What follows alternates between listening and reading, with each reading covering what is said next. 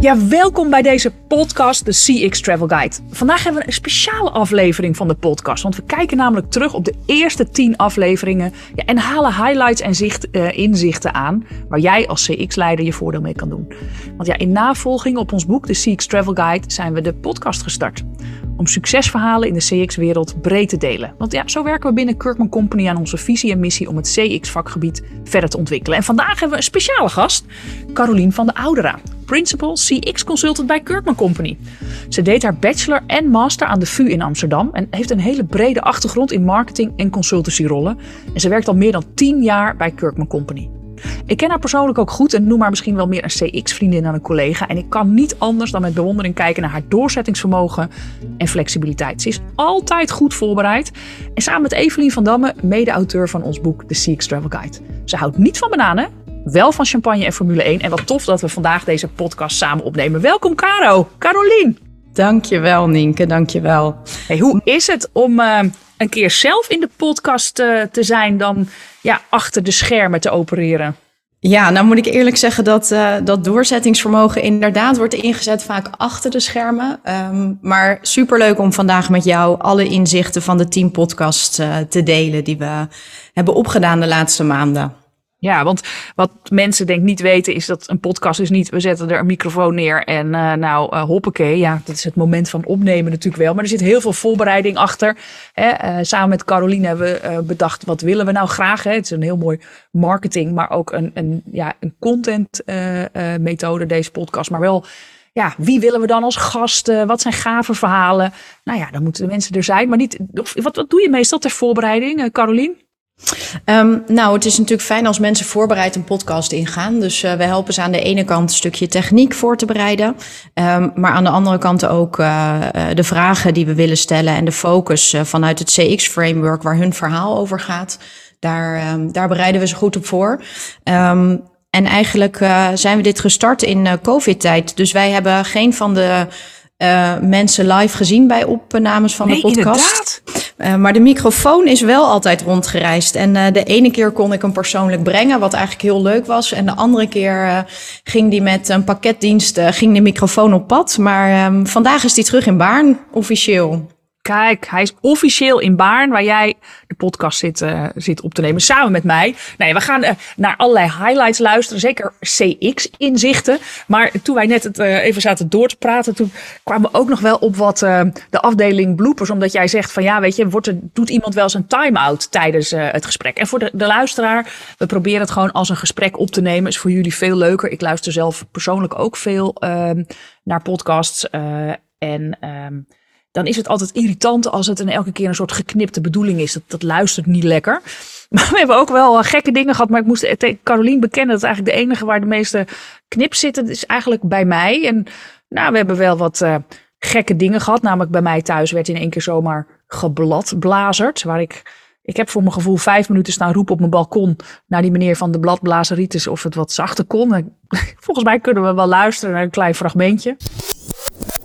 Hey Kees, ik ga heel eventjes, uh, ik moet je heel even onderbreken, want ze zijn bij mij blijkbaar in de tuin iets aan het doen. En uh, ik ga heel even vragen of hij daar uh, even mee een half uurtje mee kan stoppen. Even één seconde.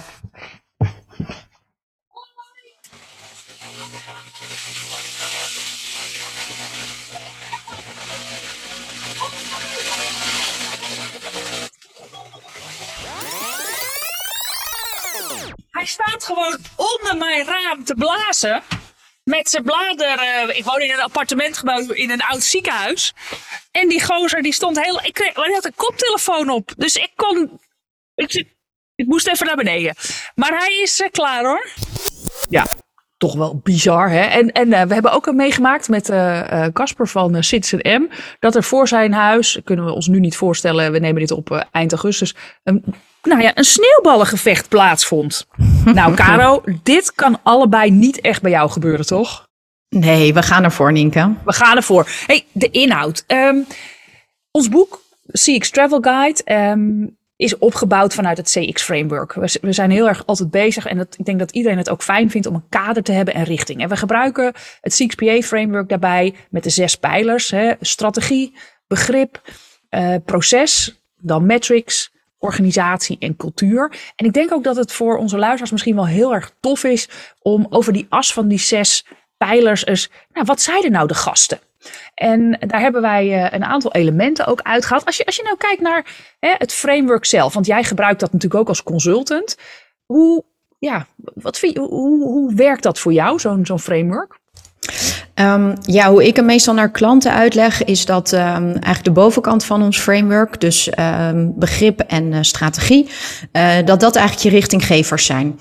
Uh, je ontwikkelt je strategie op basis van je ambitie, maar laat daar ook zeker de verwachtingen en, en behoeftes van klanten in doorklinken. Dus het stukje begrip, customer insights.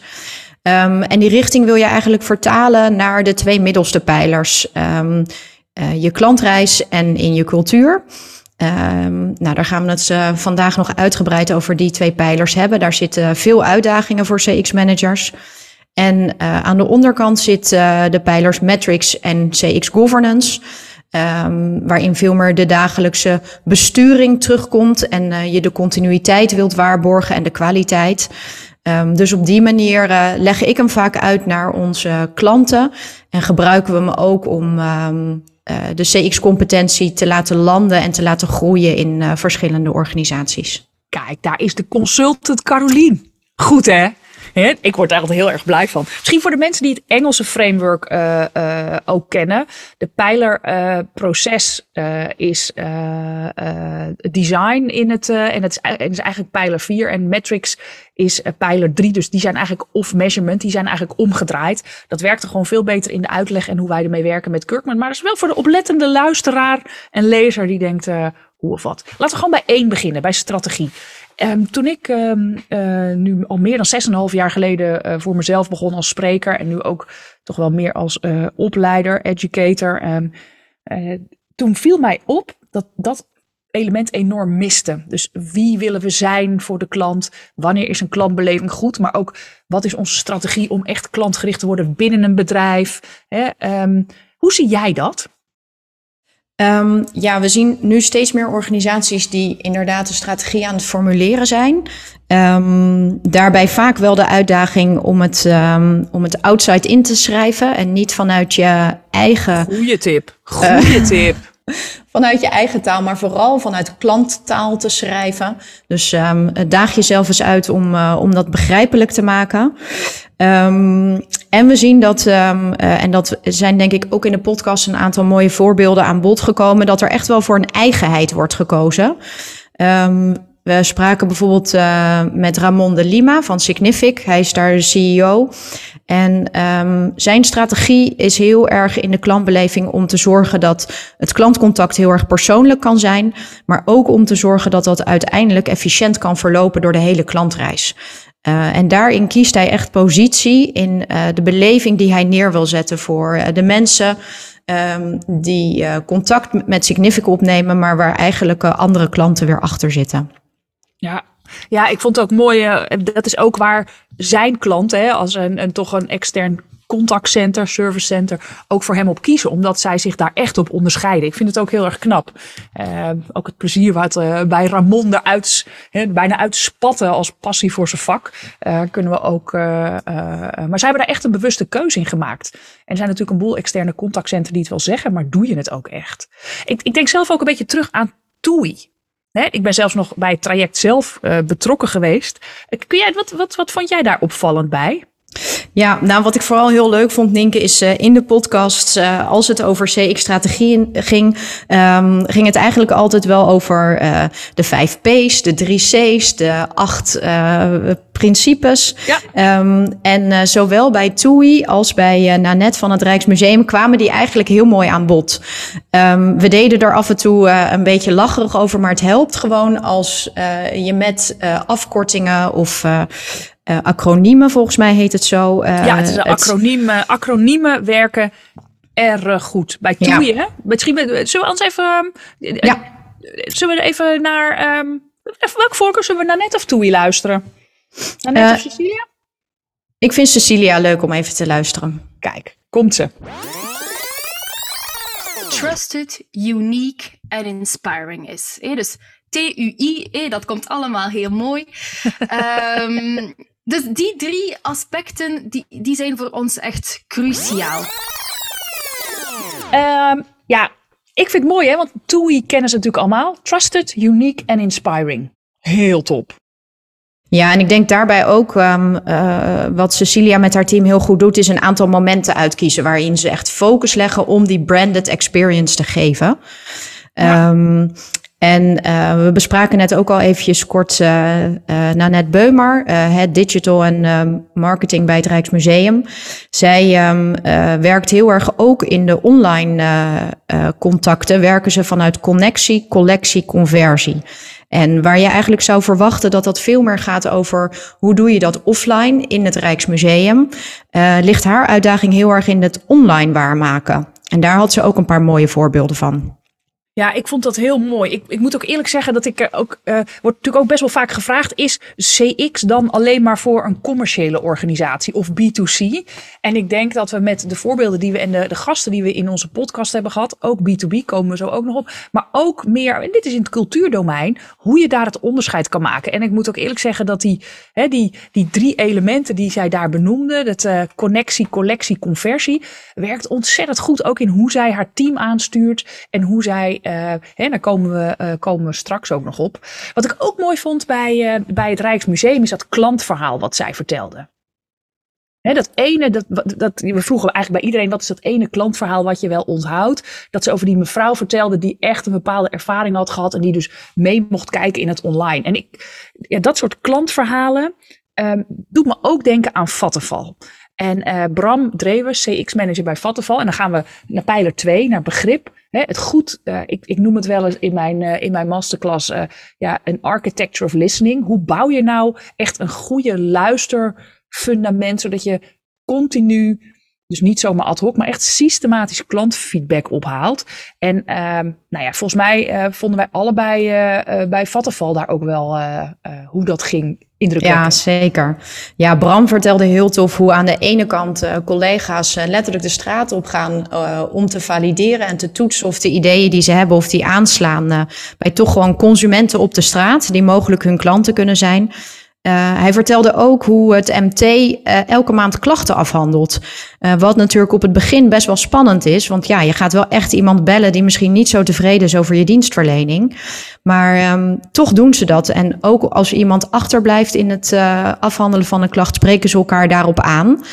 Um, aan de ene kant een mooi voorbeeld, omdat je ook weer als leider insights ophaalt. En vooral ook omdat het je rugzak vult met voorbeelden van hoe klanten jou als organisatie ervaren. En dat zorgt ervoor dat je uiteindelijk weer ook de juiste verhalen de organisatie in kan brengen.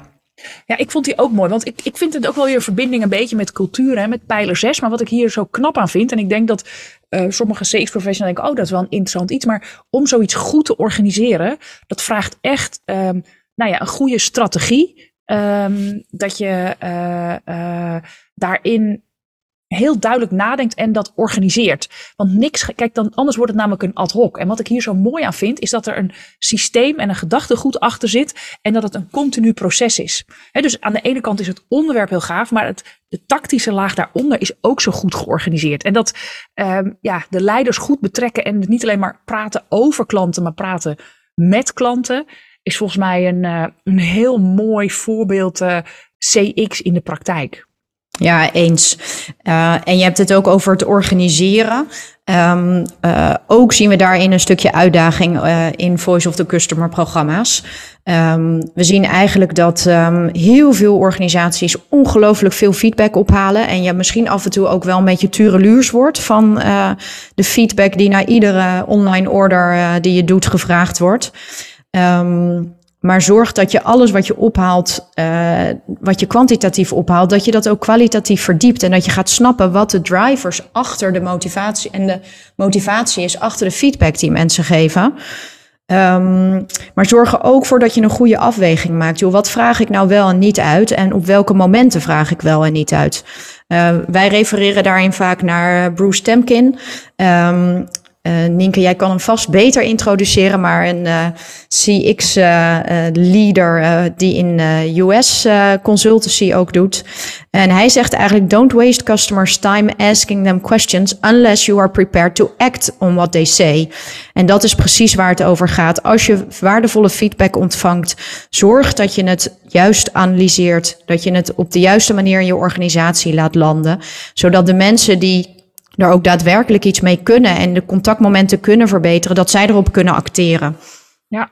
ja, en ik vind hem ook wel interessant, want um, dat maakt ook wel een mooie brug. Maar close, closing the loop is op dit moment um, nog steeds een van de ondergewaardeerde uh, uh, elementen in custom experience management. Dus het verzamelen van feedback en enquêtes doen en ja, markten onderzoeken, inhuren. Wordt heel veel tijd en aandacht aan besteed. En als je nou kijkt naar het daadwerkelijk iets met die feedback doen en closing the loop. Aan de ene kant uh, daadwerkelijk het contact zoeken met klanten die hun feedback geven. Maar ook één keer in de zoveel tijd, desnoods twee keer per jaar, naar iedereen die je feedback hebt gegeven. Dankjewel dat je dat hebt gegeven. Dit hebben we ermee gedaan.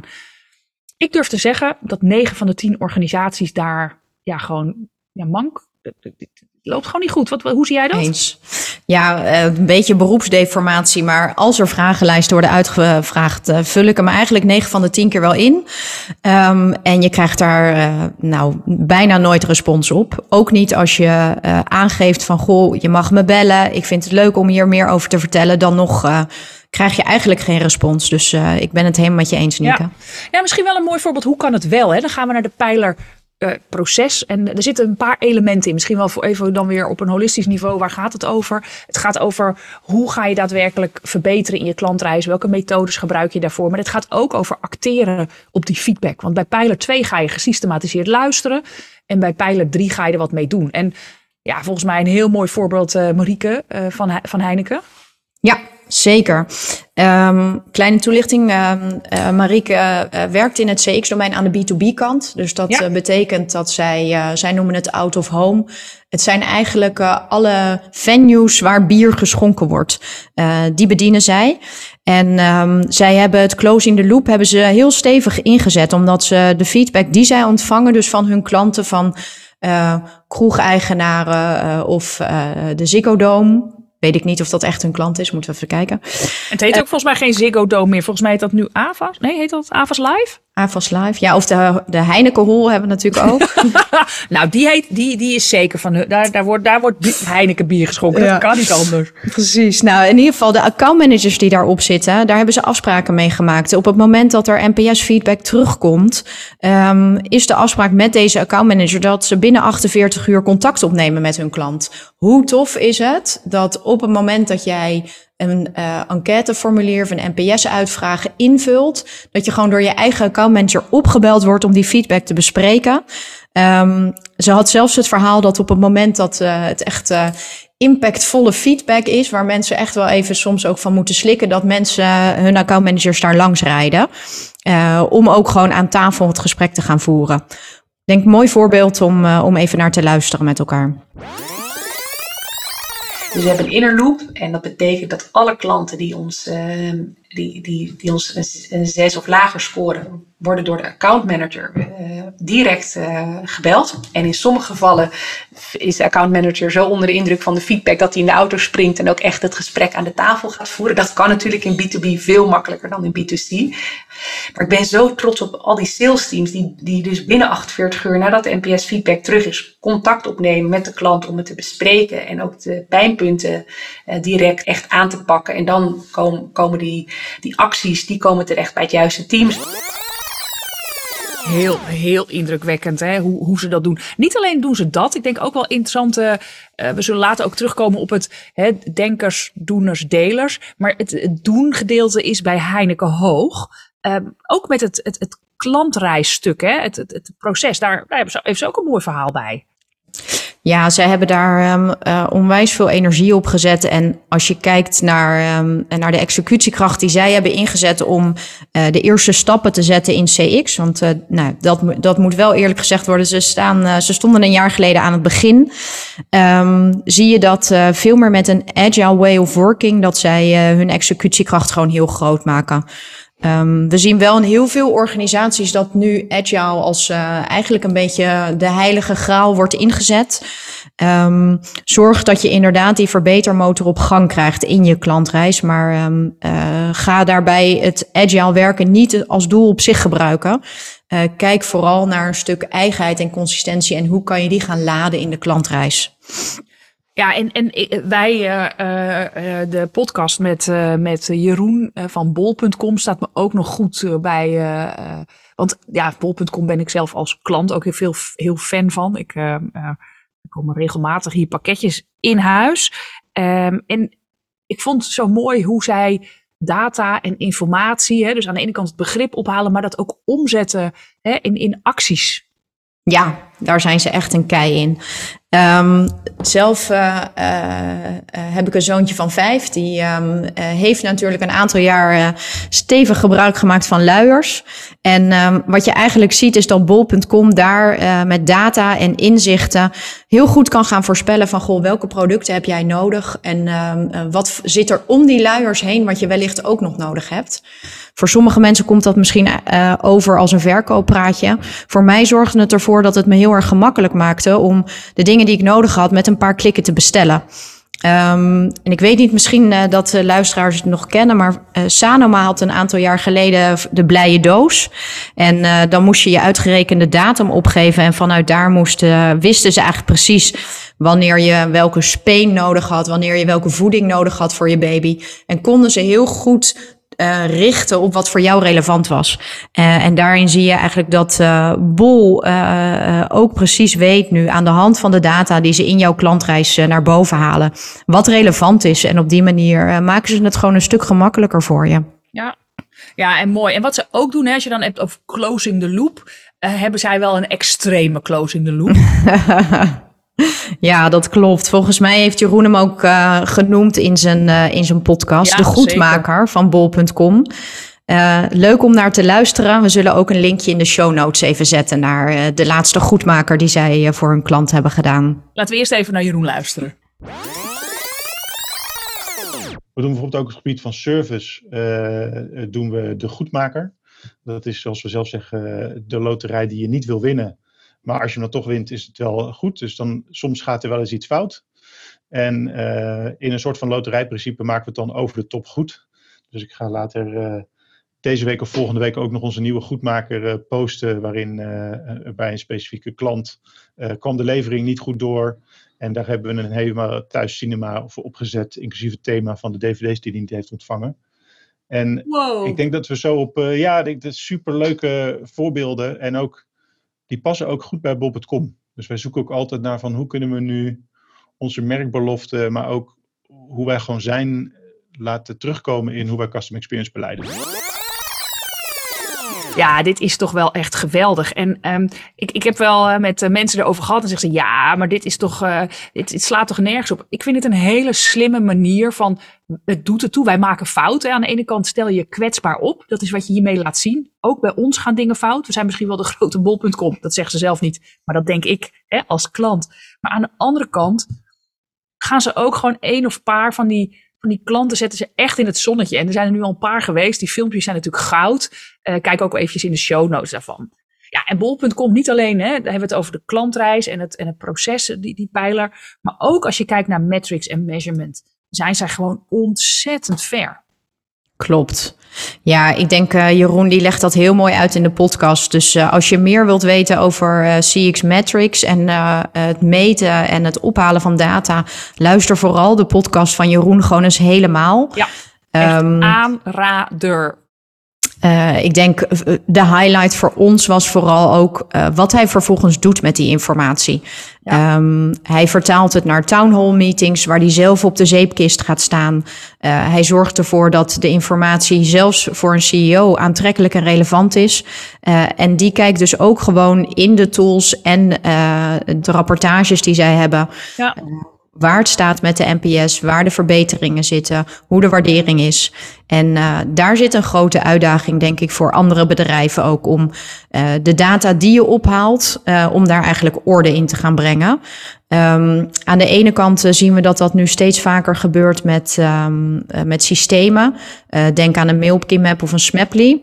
Uh, aan de andere kant uh, ligt er ook een belangrijke sleutel in hoe je die data uiteindelijk specifiek en behapbaar maakt voor de verschillende functies in jouw organisatie.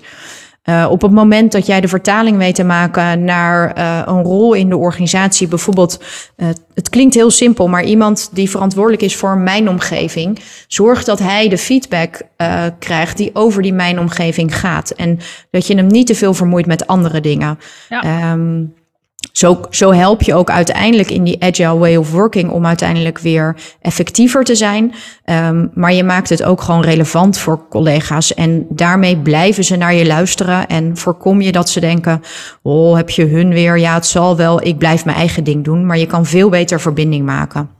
Ja. ja, en ik denk, we hebben het uh, in de podcast nog niet echt gehad over de business case hè, van, uh, van CX. Ik denk dat dat hele return on what's de ROI en dat soort elementen, dat die er echt toe doen. Er zijn een aantal die dat zeker voor elkaar hebben. Um, maar wat misschien ook wel interessant is, hoe doe je dat nou met die dashboards? Hè? En um, ik denk dat Nanette van het Rijksmuseum daar ook gewoon een gaaf stuk over had. Ja, zeker. Leuk om even naar haar te luisteren daarover. Ja, dat is ook uh, nou, het eerste ding wat ik had gedaan hè, toen ik begon met deze job, was het team opzetten. Goede mensen op goede plekken. En tweede is, uh, heb ik een dashboard ingericht. Dus uh, samen met mijn head of growth heb ik dat gedaan om in ieder geval alles gewoon goed te kunnen doormeten. Ja. Um, en qua data, uh, ja, natuurlijk kijken we naar. Maar het allerbelangrijkste vind ik ook altijd hè, de ownership. Dus je hebt een hele lange journey van uh, um, unaware dat mensen het Rijksmuseum niet kennen. Nou, heel veel mensen in het museum denken vaak: het Rijksmuseum kent iedereen. Uh, maar dat is natuurlijk helemaal niet waar. Dus van unaware tot aan mensen die geweest zijn. En misschien wil je mensen die geweest zijn wel hè, een, ja, een toch wat langere relatie mee. Dus, want hoe leuk zou het zijn? Je bent bij het museum geweest. Je gaat daarna iets maken van de collectie. Of je, je koopt nog wat in de webshop bijvoorbeeld. Of nou, noem het maar uh, op. Of een subscriber voor de nieuwsbrief. Dus eigenlijk die hele journey is gewoon heel belangrijk om die in te delen. Ook qua ownership. Hè? Dus wie is verantwoordelijk voor dat eerste stukje? En wat zijn daar dan de cijfers waar je op wil sturen? Dus zo proberen we het ook uh, ja, zo goed mogelijk in te richten. Ik heb niet een heel groot team, moet ik uh, erbij zeggen. maar dat is wel hoe wij onze, ja, gewoon willen focussen op onze data ja, wat, wat, wat, wat, wat haal je hier uit? Wat kunnen anderen daarmee? Nou, ik denk vooral leuk om de verhalen te horen van hoe anderen het doen. Ook wel de eerlijke struggles waar sommigen tegenaan lopen. En ik denk uiteindelijk dat uh, het vakgebied bestaat nu een aantal jaar in Nederland, wordt steeds professioneler, maar dat we nog steeds met elkaar een uitdaging hebben om verhalen, learnings, uh, initiatieven die organisaties nemen op het gebied van CX, om die te blijven delen met elkaar. Ja, en ik denk wel dat het ook belangrijk is, weet je, welke metrics gebruik je nou? En uh, daar zitten ook wel weer vernieuwingen in. Uh, daar gaan we natuurlijk nu nog niet over hebben, want dat komt in andere podcasts wel. Maar zeker dat, dat het goed je measurement uh, op orde hebben met de juiste KPI's die er ook toe doen. Die rapportages maken. En dan misschien mijn persoonlijke tip, en die vertel ik ook altijd in mijn masterclasses, of ik dat nou in company doe of, of de open masterclasses. Rapportages moeten een call to action hebben. Veel rapportages kijken eigenlijk alleen maar terug. En dat is hartstikke belangrijk. Natuurlijk, wat is er gebeurd? Maar er moet ook iets mee gebeuren. Rapportages die maar in mensen hun mailbox uh, blijven hangen, is echt zonde van je tijd. Uh, je hebt wel, want er wordt natuurlijk geen klant beter van een, een, een rapportage. Hè? Daar moet iets mee gebeuren. Dat zijn, ja, data wordt uiteindelijk informatie en moet leiden tot actie. Dus als ik daar uh, een lans voor mag breken, dan uh, wil graag. Want het gaat erom, hoe pak je dit door in de organisatie? En dan kom je op CX governance of de organisatie. Hè? Hoe pak je dat nou op en hoe ga je daar nou, hoe ga je daar nou voor? Ik vond wel, hè, uh, nou, Judy van uh, Interpolis, hoe zij dat heeft georganiseerd, CX in de organisatie.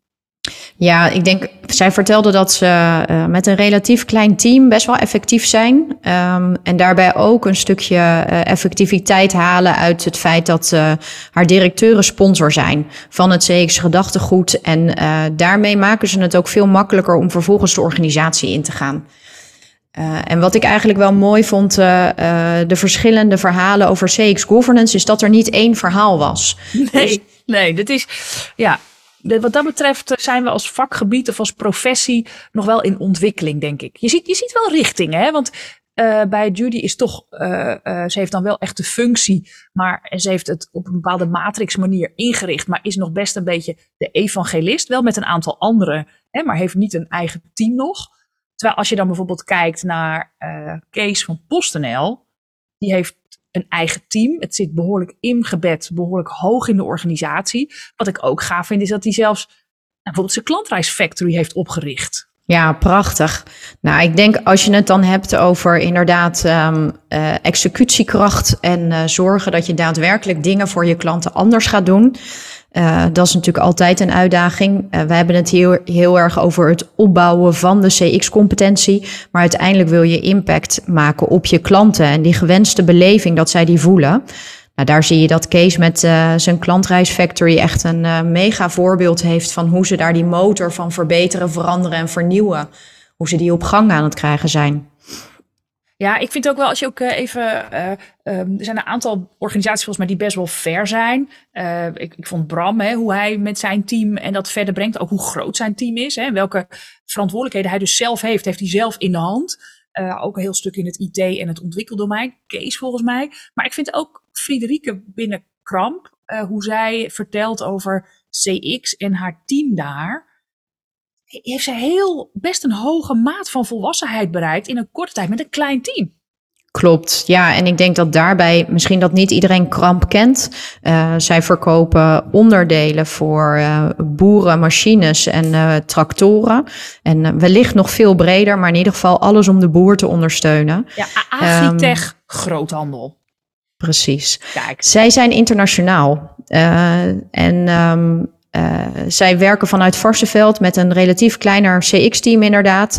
Uh, maar hebben wel internationaal impact. En dat is wel heel tof om te zien dat je uh, niet altijd de grootste teams, de meeste budgetten hebt. Als je maar weet waar je impact kan maken en dat op een slimme manier doet.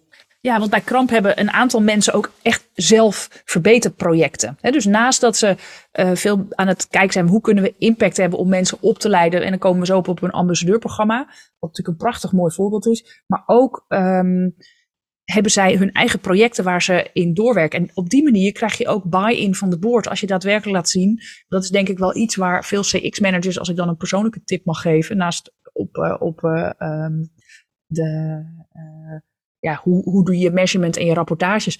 Hoe zorg je ervoor dat anderen ook zien dat jij resultaat uh, boekt? En, en dat is in het, het governance stuk, het stakeholder management, het rapporteren op rapportage, op, op, eh, op, resultaten. En daarbij kan je ook laten zien dat je daadwerkelijk in projecten en programma's ja, voortgang biedt en echt klantimpact hebt. En volgens mij um, is dat erg van belang. Ja, en ik denk ook, um, daar komt de Hollandse cultuur misschien ook een beetje om de hoek. Doe maar normaal, dan doen we al gek genoeg.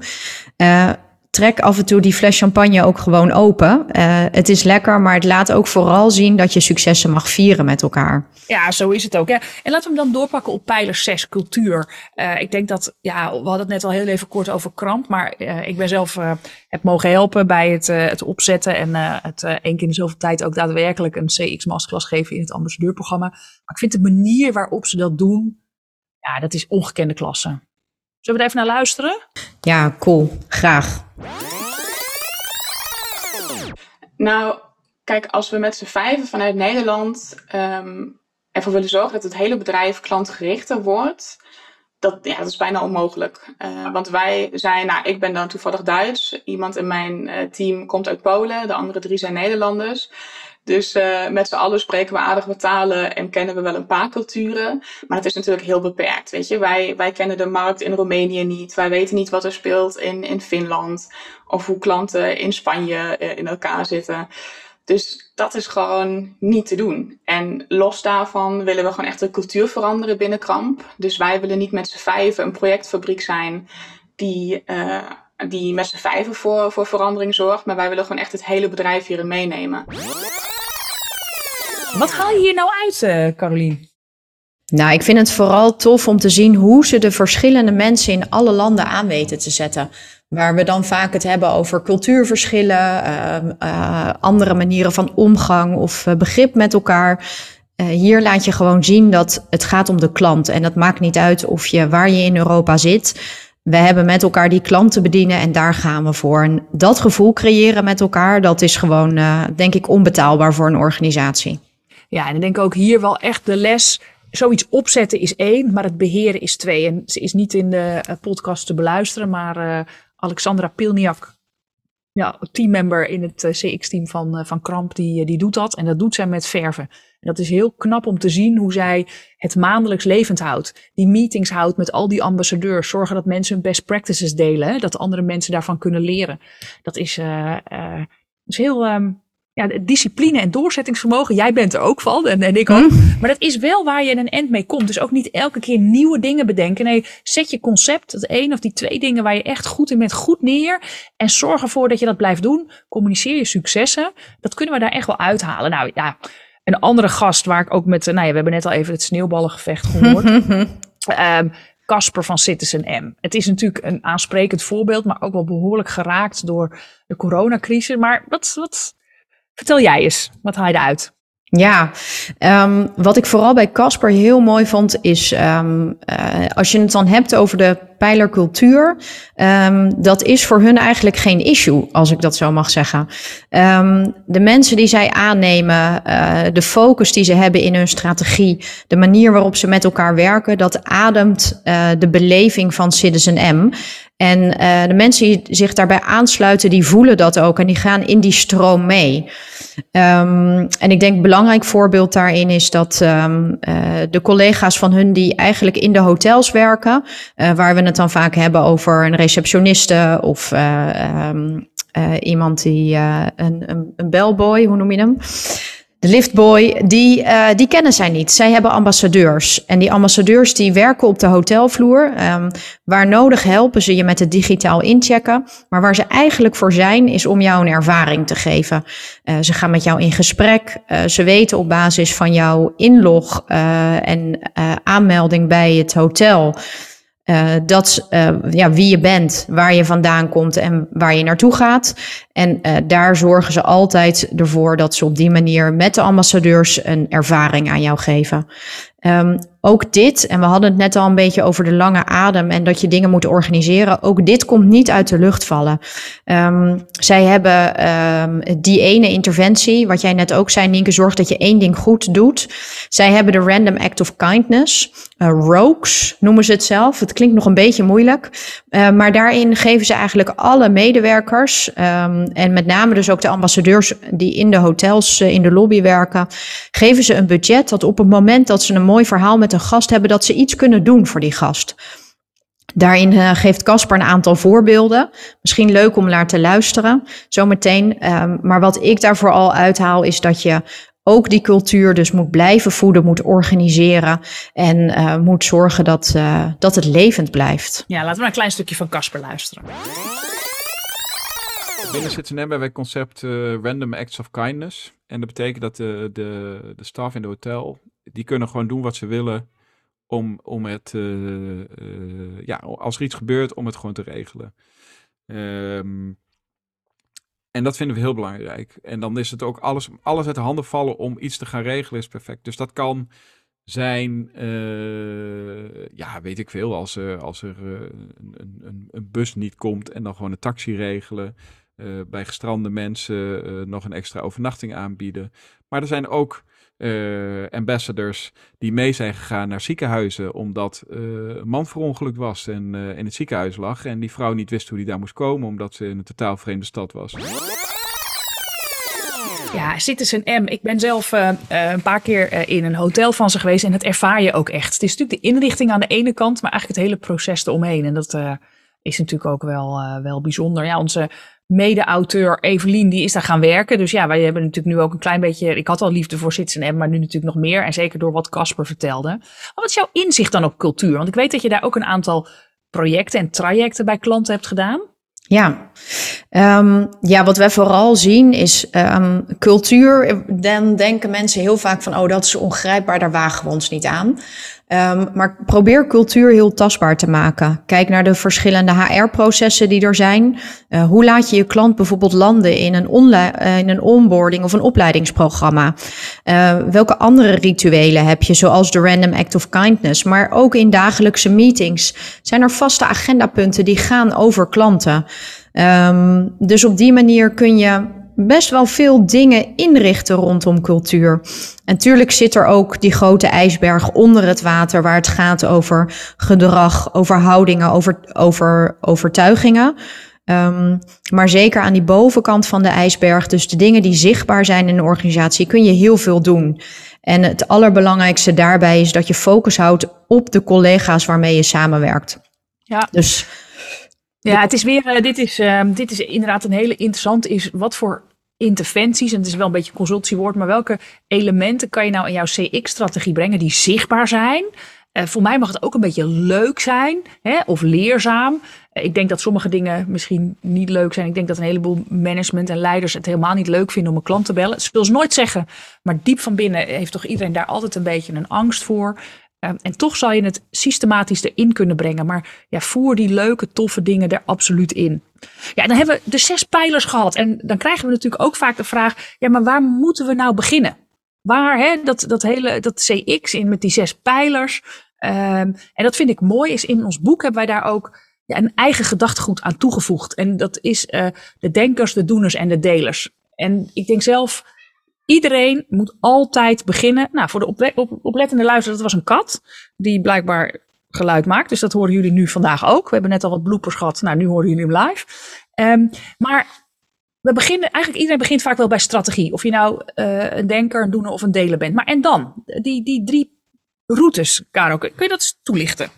Ja, Um, ja, we zien dat vervolgens um, uh, na het schrijven en uh, de richting geven van die strategie, dat uh, de meeste organisaties het pad van de doeners gaan bewandelen. Daarbij um, zorgen ze dat ze hun insights op orde hebben, dat ze die insights ook daadwerkelijk vertalen en gebruiken. zodat ze dat vervolgens richting meer het pad van de doeners in actie kunnen brengen. Ja. Um, daarmee ga je dus eigenlijk vanuit de doeners aan de slag in de klantreis. Daadwerkelijk het impact maken uh, op de beleving en dus uh, een betere beleving aan je klanten geven.